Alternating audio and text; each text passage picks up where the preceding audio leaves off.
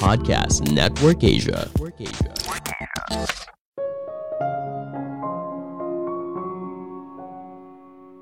Jalan pintas jangan dianggap sebagai hal buruk, namun bisa menjadi batu loncatan menuju era yang baru. Halo semuanya, nama saya Michael. Selamat datang di podcast saya, Sikutu Buku. Kali ini saya akan bahas buku Thinking Better karya Markus Du Sautoy. Sebelum kita mulai, buat kalian yang mau support podcast ini agar terus berkarya, caranya gampang banget. Kalian cukup klik follow Dukungan kalian membantu banget supaya kita bisa rutin posting dan bersama-sama belajar di podcast ini. Buku ini membahas perspektif lain soal jalan pintas. Jika mendengar kata jalan pintas, kita mungkin saja memiliki pandangan yang negatif. Maklum saja, selama ini kita diajarkan kalau untuk mencapai sesuatu dalam hidup, maka kamu perlu melakukannya selangkah demi selangkah melalui jalan panjang dan penuh rintangan. Namun ternyata tidak selamanya harus seperti itu. Kita bisa menggunakan jalan pintas untuk mencapai hal besar dalam hidup. Penulis menggunakan matematika sebagai jalan pintas untuk menjawab pertanyaan dalam hidup. Ini adalah cara kita untuk berpikir dengan lebih baik. Saya merangkumnya menjadi tiga hal penting dari buku ini. Pertama, perspektif lain soal jalan pintas. Pada akhir abad ke-18, ada seorang anak jenius bernama Carl Friedrich Gauss. Suatu hari saat usianya 8 atau 9 tahun, gurunya memberikan sebuah soal matematika yang butuh waktu lama untuk menyelesaikannya. Jadi, dia meminta para murid untuk menjumlahkan angka dari angka 1 hingga 100. Tentunya, para murid memulainya dari awal. 1 tambah 2 sama dengan 3, lalu ditambah 3 sama dengan 6 lalu tambah 4, dan seterusnya hingga 100. Ketika murid lain sibuk menjumlahkan satu persatu, Gauss punya cara yang lain. Dalam waktu singkat, dia sudah tahu jawabannya. Gurunya pun merasa aneh. Masa sih dalam waktu satu menit sudah ada jawabannya? Ketika dicek, ternyata benar. Apa yang dilakukan oleh Gauss? Jadi dia menggabungkan angka di awal dan di akhir, 1 ditambah 100 sama dengan 101 2 tambah 99 sama dengan 101. 3 tambah 98 sama dengan 101. Begitu seterusnya hingga dia mendapatkan 50 pasang angka yang apabila ditambahkan hasilnya 101. Lalu 101 dikali 50 sama dengan 5050. Jawaban ini membuat gurunya kaget dan kagum. Dia pun lalu memberikan soal yang lebih sulit kepada Gauss. Kali ini, gurunya meminta kepada seluruh murid untuk menghitung penjumlahan setiap angka dari angka 1 hingga 1 juta. Namun lagi-lagi, Gauss berhasil mendapatkan jawaban dalam waktu singkat. Ini adalah kekuatan dari jalan pintas. Tidak peduli angka apa pun yang diberikan, pola pikir ini akan memberikan kamu jawaban dalam waktu yang singkat. Pemikiran macam ini tentu saja berlawanan dengan yang selama ini kita pelajari dari kecil kita diajarkan kalau cara yang benar untuk mencapai apa pun dalam hidup harus melewati satu persatu, pantang menyerah, dan sebagainya. Kita mungkin pernah dengar istilah, tidak ada jalan pintas dalam hidup. Bagaimana bila istilah tersebut tidak sepenuhnya benar? Namun perlu dipahami, untuk mencari jalan pintas bukanlah sesuatu yang mudah. Menemukan jalan pintas itu butuh kerja keras, ibaratnya seperti membuat terowongan di bawah gunung setiap penggalian membutuhkan begitu banyak kerja keras, energi, dan waktu. Tapi ketika terowongan itu sudah berhasil dibuat, maka siapa pun bisa melewatinya dengan mudah asalkan mereka tahu.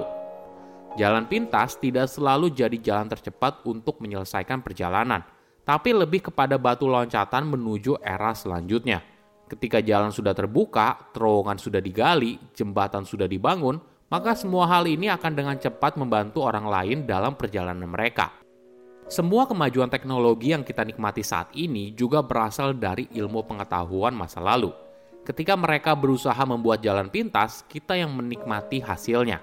Begitu juga sekarang, tanggung jawab kita menciptakan jalan pintas agar generasi mendatang bisa menikmatinya.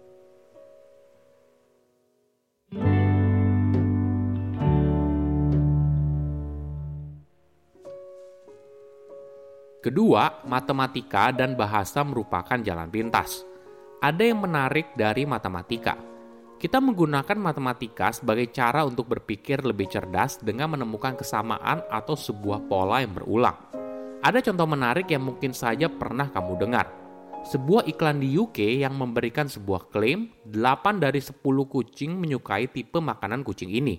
Tentu saja hal ini membuat kita bertanya-tanya, bagaimana mungkin melakukan survei kepada seluruh populasi kucing dengan jumlah mencapai 7 juta ekor?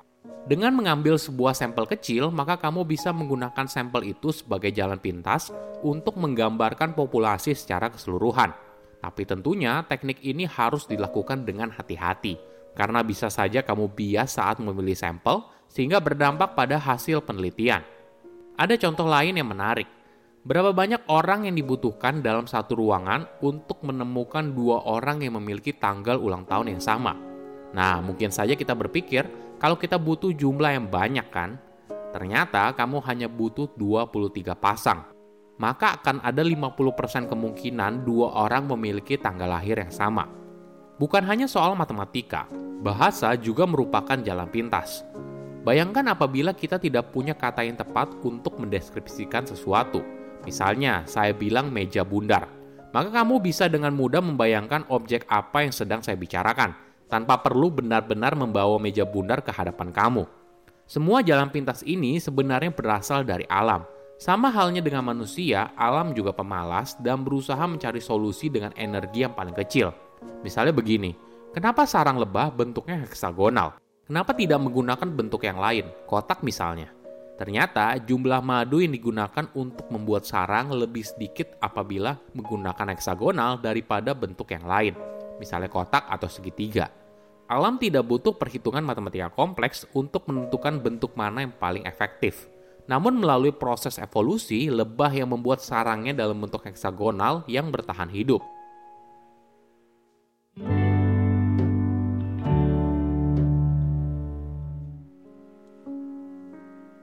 Ketiga, tidak selalu mencari jalan pintas. Di era sekarang, tentunya teknologi semakin canggih. Komputer sudah menjadi bagian yang tidak terpisahkan dalam hidup manusia. Namun, walaupun dunia semakin canggih, manusia punya sesuatu yang membuatnya berbeda. Ketika menemukan sebuah masalah, komputer akan mencari jawabannya selangkah demi selangkah. Namun, manusia berbeda Ketika ada masalah, pada dasarnya kita malas dan kemalasan ini yang membantu kita untuk mencari solusi tercepat dalam menyelesaikan masalah tersebut. Perlu dipahami, tidak semua hal di dunia ini butuh jalan pintas. Misalnya ketika kamu sedang liburan, tentunya kamu tidak ingin liburanmu dipersingkat kan? Intinya tidak perlu menggunakan jalan pintas untuk segala hal dan merusak sesuatu yang kamu nikmati untuk dikerjakan kita mungkin juga menemukan jalan satu-satunya adalah dengan menjalani jalan panjang yang penuh rintangan. Tidak apa-apa, yang penting kita yakin kalau jalan panjang itu layak untuk dijalani. Oke, apa kesimpulannya? Pertama, jalan pintas tidak selamanya buruk. Jalan pintas tidak selalu jadi jalan tercepat untuk menyelesaikan perjalanan, tapi lebih kepada batu loncatan menuju era selanjutnya. Semua kemajuan teknologi yang kita nikmati saat ini berasal dari ilmu pengetahuan masa lalu. Ketika mereka berusaha membuat jalan pintas, kita yang menikmati hasilnya. Kedua, bahasa adalah contoh jalan pintas. Bayangkan apabila kita tidak punya kata yang tepat untuk mendeskripsikan sesuatu.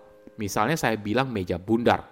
Maka kamu bisa dengan mudah membayangkan objek apa yang sedang saya bicarakan tanpa perlu benar-benar membawa meja bundar ke hadapan kamu. Ketiga, jalan pintas bukan jawaban atas semua pertanyaan. Tidak semua hal di dunia butuh jalan pintas. Misalnya ketika kamu sedang liburan, tentunya kamu tidak ingin liburanmu dipersingkat kan? Intinya, kita tidak perlu menggunakan jalan pintas untuk segala hal dan merusak sesuatu yang kamu nikmati untuk kerjakan. Saya undur diri, jangan lupa follow podcast Sikutu Buku. Bye-bye.